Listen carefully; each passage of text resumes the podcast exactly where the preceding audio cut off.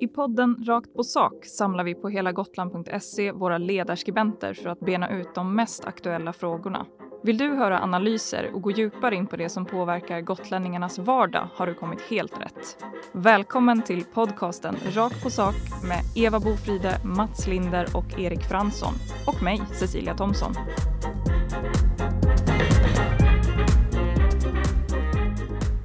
I veckan så åtalades ju Theodor Engström för terrorbrott efter mordet under Almedalsveckan i Visby i somras. Med mig i studion har jag som vanligt våra ledarskribenter Mats Linder, Eva Bofride och Erik Fransson. Jag vet inte hur det är med er, men jag hade svårt att slita mig från förundersökningsprotokollet när det kom här i veckan. Eh, var det någonting nytt som framkom, tycker ni, nu när den eh, offentliggjordes i och med åtalet? Ja, det är väl själva omfattningen av hans planering som jag tycker var ny. Om hur eh, många personer det faktiskt är han har funderat eller planerat på att angripa. Det var ett ganska omfattande mappsystem han hade i sin dator där med diverse kända och mindre kända personer. Ja, det var ju ingen spontan grej direkt, det kan man ju konstatera. Och det är ju det som jag tycker är, eller allting är ju läskigt med, med det som hände och hur han har planerat det. Men, men det, det kunde jag ha, alltså vem som helst som hade kommit hans väg och som han hade fått någon så här flash att den här människan är med i något, har något ansvar för att mitt liv är åt helvete liksom, kunde jag ha dött. Det var ju helt, alla var ju måltavlor på ett eller annat sätt. Som är, i alla fall de flesta som är på Almedalsveckan är ju med i, i sådana sammanhang som han ville straffa. Vad säger du Erik, några reaktioner på eh, åtalet och det som framkom? Alltså det som jag tyckte blev mer klarlagt var ju hans, den beväpning, alltså de vapen han har haft med sig. Det har man ju tidigare sagt att, att förutom kniven som, som användes för själva mordet hade det funnits mer vapen med, men man har inte sagt något mer om det. Eh, så att jag, jag blir ju lite förskräckt när, när de pratar om att han har haft svärd med sig, visserligen relativt korta svärd. Då. Det, är inte, det är inte frågan om slagsvärd från medeltiden, utan lite kortare saker. Men, men att han har sprungit omkring med dem i Almedalen eh, i, i, någon form av ryggsäck eller, eller på sig på annat sätt. Det, det känns lite mer läskigt, tycker jag. Eh, att, att det är precis som Eva säger, här kan det drabba vem som helst precis när som helst. Med tanke på, på att han hade så pass allvarlig beväpning ändå. Va? Så att eh, det hade kunnat gått riktigt illa. Och just det är ju en fråga som många ställer sig. Hur kunde det liksom eh, gå till? Hur kunde han eh, ja, åka båt över med pilbågar och eh, svärd och allt vad det nu var och dessutom röra sig eh, i Almedalen under flera dagar. Det var ju sista eh, dagen i Almedalen som det här mordet inträffade. Vad, vad tänker ni om, om det? Alltså det är ju inte så konstigt att, uh, att det, han kunde komma hit med vapen. Det, det finns ju inga kontroller överhuvudtaget. Och man kan ju tänka sig också, hade det hänt om han då hade haft någon hänga på medeltidsmänniskor där folk springer omkring med liksom, attrapper uh, på, av olika slag, där hade det märkts ännu mindre om han kom med en, en riktig liksom, yxa eller vad fan som helst. Uh, en yxa eller vad som helst, man får inte svära i radion. Uh, så det är ju alltså det är inte så konstigt. Frågan är ju mer hur ska man förhindra det utan att det blir eh, extremt svårt att ta sig till Gotland. Å ena sidan är ju Theodor Engström en person som har rört sig liksom i extrema och organiserade politiska kretsar. Men å andra sidan så har han ju agerat helt själv. Uh, han har liksom tältat i snåren utanför Visby.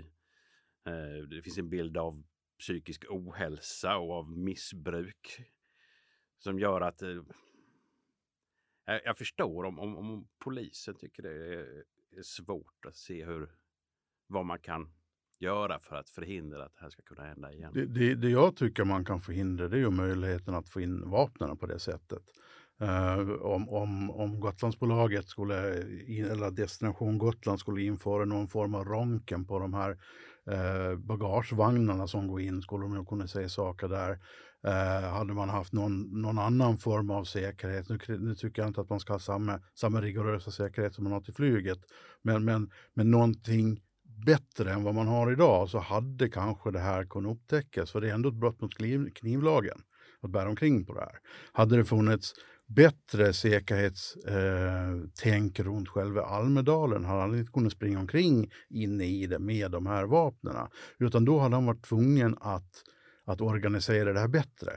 För att även om det här är planerat och så vidare så, så, så upplever jag att det är rätt dåligt eh, planerat ändå. Uh, det, det, det, är lite, sidan, det är lite amatörmässigt. Å andra sidan, hur, hur många butiker i, i, i, på Gotland finns det där man kan köpa en kniv? Hur svårt är det att göra en kniv själv om man skulle vilja? Nej, men det är ju inte, det är inte möjligheten att införskaffa det utan det är möjligheten att bära omkring på det. Det, det, är, det är ju där som jag känner att just, just runt Almedalen och andra liknande större evenemang så, så borde det finnas en bättre säkerhet. Jo, man kan slå en järnring kring hela Almedalsområdet och visitera alla på väg ut eller in. Det, det kan man såklart göra, men jag undrar om Almedalsveckan överlever det.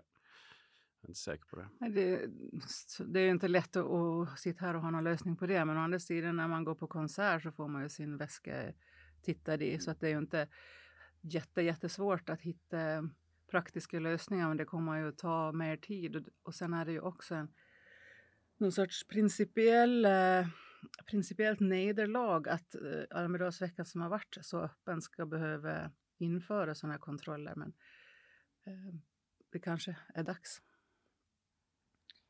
På tal om det då så pratas det ju såklart också mycket om, eh, som ni är inne på här, hur dådet kommer att påverka framtida Almedalsveckor. Eh, tror ni att den eh, kommer att bli som tidigare igen och bör den vara precis som tidigare igen? Jag tror inte den kommer att bli som tidigare av många anledningar och inte bara på grund av den här händelsen utan, utan Almedalen utvecklas hela tiden. Eh, nästa år har vi en, en helt ny vecka så, som den kommer att bli. Uh, i, I år var första gången med ett, ett kortare, en kortare vecka, uh, vilket kommer att bli nästa år också. Så att det, det, kommer hela tiden ske en utveckling, det kommer hela tiden ske förändringar um, och jag tror inte att, att en, en högre säkerhet kommer riskera i veckan. Uh, det är väl snarare tvärtom i så fall, att, att om man inte tar i med hårdare eller om man inte gör säkerheten bättre så finns det risk för att fler kommer och, och, och inte åker hit, alltså välja att inte åka hit. Vad tror ni andra om eh, säkerhetsaspekten? Kommer, den, eh, kommer säkerheten att förändras på något sätt? Det kommer den säkert att göra. Och eh, man kommer säkert att steppa upp eller uppgradera säkerheten, speciellt kring vissa personer. Å andra sidan är jag inte säker på att, att, att mordoffret från, från Almedalsveckan 2022 skulle ha tillhört de som hade fått den här utökade säkerheten. Nej, det är det som är, alltså man kan ju utöka hur mycket som helst. Mm. Men slutändan, den här uh, idioten skulle ju kunna göra, alltså det går ju inte att förhindra det. Det är ju helt omöjligt. Om, man, uh, om någon har fått för sig något så blir det ju svårt att hindra det. Om det som sagt inte är riktigt emot folk som har så fem livvakter som går runt om hela tiden. Så det, är, eh, det blir ju en illusion också att om man hö, höjer säkerheten då är det tryggt plötsligt, men det kommer ju aldrig att vara det. Jag tror att alla vi här i rummet är ju säkert flitiga besökare av Almedalsveckan. Kommer ni känna er mer otrygga tror ni och röra er där eh, 2023? Eh, nej, eh, inte för egen del. Dels för att jag inte upplever att det finns någon hotbild mot mig. Eh, kanske också för att jag är lite ja, jag tänker inte på det sättet. Nej, jag tror inte heller att jag kommer att känna någon större osäkerhet. Nej, jag tror inte heller att det kommer att påverka mig personligen.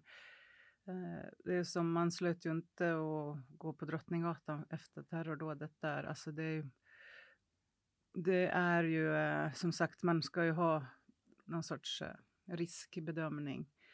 Sen är det ju så också att vi glömmer. Vi eh, tycker, ja men nu, det var liksom hemskt, men sen tonas det ner och man släpper lite på garden. Liksom, så. I nästa vecka då, med start på tisdag så väntar ju den här rättegången i Gotlands eh, tingsrätt och jag är medveten om att jag inte sitter här med Leif GW Persson men Vad vågar ni spekulera i någon slags utfall eller påföljd av, eh, av det här? Sluten psykiatrisk vård, om jag ska gissa. Den gissningen känns ju inte alltför, alltför eh, svår. Och, och det kan ju innebära vård under eh, väldigt, väldigt lång tid. Kommer ni att följa rättegången? I media. Ja, det lär ju inte få, gå att få plats där om man säger. Då är det viktigare att nyhetsredaktionerna får, får ta platserna i, på tingsrätten så får man följa det via medier. Precis, det återstår ju att se om det blir eh, lyckta dörrar eller eh, inte. Men eh, vi kommer ju såklart vara där och eh, bevaka på ett eller annat sätt på helagotland.se. Eh, och jag vill som vanligt säga jättestort tack till er som har lyssnat. Och precis som vanligt så finns ju tidigare avsnitt av Rakt på sak på helagotland.se under fliken poddar och program. Vi hörs igen om en vecka.